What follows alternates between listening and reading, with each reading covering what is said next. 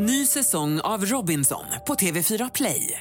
Hetta, storm, hunger. Det har hela tiden varit en kamp. Nu är det blod och tårar. Fan händer just nu. Det. är Detta är inte okej. Robinson 2024, nu fucking kör vi! Streama på TV4 Play.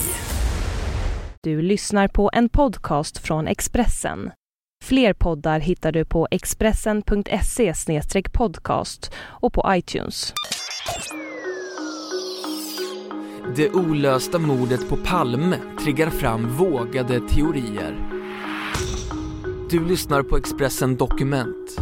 Ett fördjupningsreportage varje dag med mig, Johan Bengtsson, som idag läser Andreas Utterströms text om att privatspanarna inte ger upp en lösning på Palmemordet. Idag är det 27 år sedan Olof Palme sköts till döds vid Sveavägen i centrala Stockholm.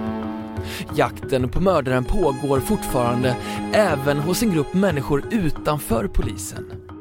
De brukar kallas för privatspanare. Genom åren har de haft teorier om CIA, KGB och en filmare som på uppdrag av Palme ska ha regisserat hans självmord.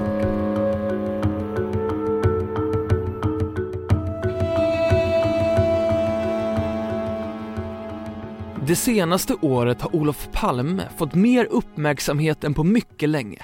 Filmen Call Girl, tv-serien En pilgrims död, boken Förbannelsen, Hans Holmers öde och inte minst den hyllade dokumentären Palme. Trots att snart tre decennier har passerat och polisutredningen är en av världens största, kanske den mest omfattande av alla, arbetar polisen fortfarande med fallet.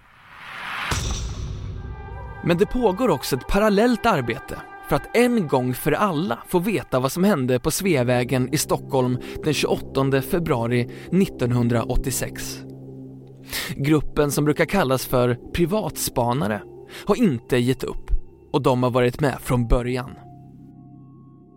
Ingemar Krusell var i ett tidigt skede biträdande spaningsledare i Palmeutredningen och minns telefonsamtalen från de som redan 1986 gjorde egna efterforskningar. Jag hade ingenting emot att resonera med privatspanarna, men de var ofta så snett ute. De hade aldrig något konkret att komma med, utan bara teorier som inte var underbyggda av fakta. Ett problem var också att de så ofta bjöd ut handlingar att en kollega var tvungen att arbeta mer eller mindre heltid med sekretessprövningar, säger han. Olle Alsen, Sven Aner, Torbjörn Klartell, Lars Krantz, Fritz G Pettersson och bröderna Pautiainen är några av de mest kända privatspanarna. Deras och andras teorier har rört sig i alla tänkbara värdestreck.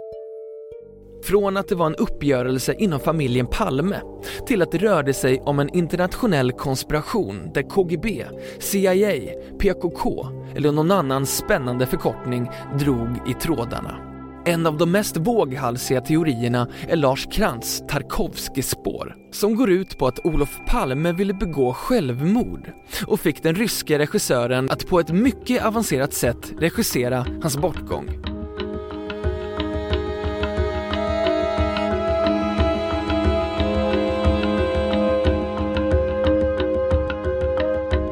Expressen Dokument, en podcast från Expressen. Påfallande ofta är det gamla poliser och journalister som efter att ha gått i pension arbetar mer eller mindre heltid med att försöka lösa Palmemordet. Gösta Söderström, den polis som var på plats på Sveavägen, fortsatte sitt utredningsarbete även efter att ha lagt ifrån sig sin uniform och sitt tjänstevapen. Han hade dessutom för vana att på årsdagen av mordet höra av sig till Ring P1, där han delgav lyssnarna sin övertygelse att sanningen hade mörklagts. Även Anders Leopold har haft svårt att släppa skotten på Sveavägen. Som journalist träffade han Palme flera gånger och efter att 1995 ha gått i pension från Expressen fortsatte den nyfikne reporten att gräva i mordet. Han har skrivit tre böcker i ämnet och driver idag sajten Leopold Report. Jag kallas ibland för privatspanare. Det gör mig ingenting. Jag har aldrig, som vissa andra, föraktat uttrycket utan tycker att varje svensk journalist åtminstone någon gång i karriären ska ägna sig åt Palmemordet. Anders Leopold är övertygad om att motivet till mordet har med internationell politik att göra. Han tror att CIA ingick i en konspiration för att röja Palme ur vägen. Han tillägger, men för mig är det inte särskilt viktigt att försöka hitta mördaren. Det jag är intresserad av är vad som låg bakom mordet.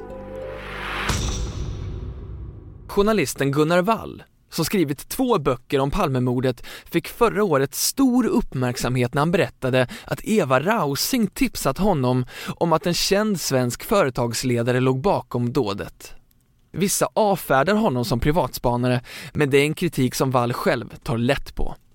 Polisen har haft 27 år på sig och förfogat över enorma resurser. Ändå har man inte lyckats hitta bevisning som håller i en domstol. Med ett sånt facit tycker inte jag att det finns utrymme för att ifrågasätta att andra personer ägnar intresse åt Palmemordet och försöker få fram sanningen, säger Gunnar Wall. För honom är drivkraften att gräva i hur svenska myndigheter agerade när de 1986 och de följande åren ställdes inför en svår utmaning. Jag är nog mindre sugen än andra på att komma på just vem som sköt. För mig är det mer angeläget att försöka ta reda på hur samhällsmaskineriet fungerat, säger Gunnar Wall. De privatspanare som Expressen har pratat med berättar att det inte förekommer särskilt mycket arbete. De jobbar för sig själva och träffas numera sällan. Journalisten Stig Edling lyckades dock sammanföra några av dem i sitt arbete med dokumentären Satans mördare som visades 1995 i TV4. Han arrangerade en konferens på en Finlandsbåt, lutade sig tillbaka och lät kameran rulla. De höll igång i två dagar. Jag kunde ganska snabbt konstatera att ingen av dem hade särskilt mycket insyn i utredningen. Deras konstruktioner byggde ofta på små avsnitt som de hade dragit väldigt stora slutsatser av. Men jag måste medge att teorierna i vissa delar var ganska underhållande att lyssna på, säger Stig Edling. En person som däremot haft svårt att se underhållningsvärdet är Ingvar Carlsson, socialdemokraten som efterträdde Olof Palme. Han vill inte kommentera privatspanarnas betydelse, men säger Ouppklarade mord på kända personer leder nästan alltid till en massa spekulationer och det har det gjort i fallet Olof Palme också. En person som försökt att problematisera den roll som de frilansande utredarna spelat genom åren är Måns Månsson. Förra året hade hans film Hassel Privatspanarna premiär. Den har, förutom skådespelaren Lars-Erik Berenett och hans inarbetade karaktär, inte mycket gemensamt med de tidigare filmer om Olof Svedelids polis. Roland Hassel har nu gått i pension och ägnar sig tillsammans med några andra privatspanare åt meningslösa rekonstruktioner på mordplatsen. I en oförglömlig scen slår han också en signal till Teppas Fågelberg i Ring P1 och klagar över att polisens belöning på 50 miljoner kronor inte har justerats i takt med inflationen. Genom åren har man matats med bilden av att privatspanarna ska avfärdas som rättshaverister gå till tvättstugan och hämta på dagis med gott samvete eftersom vi i bakhuvudet vet att om det nu är en poliskonspiration som ligger bakom så finns ändå några av dem som aktivt försöker avslöja den, säger Måns Månsson. Han fascineras också över att polisspåret, som många privatspanare är och har varit så engagerade i, nu har blivit accepterat. Han säger när Sven Aner och andra framförde sådana teorier för 20 år sedan blev det ramaskri. Idag kan Leif GW Persson sitta i en morgonsoffa och prata om konspirationer utan att någon reagerar. Du har lyssnat på Expressen Dokument. Ett fördjupningsreportage av Andreas Utterström om privatspanarna som inte ger upp utan en lösning på Palmemordet, som jag, Johan Bengtsson, har läst upp.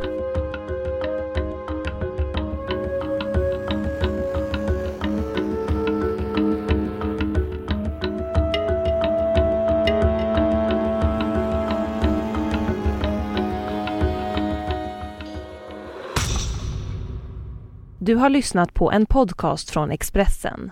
Ansvarig utgivare är Thomas Mattsson. Fler poddar finns på Expressen.se och på iTunes.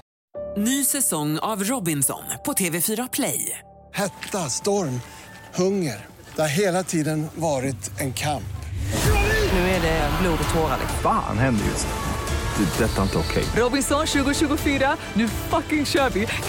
Streama på TV4 Play.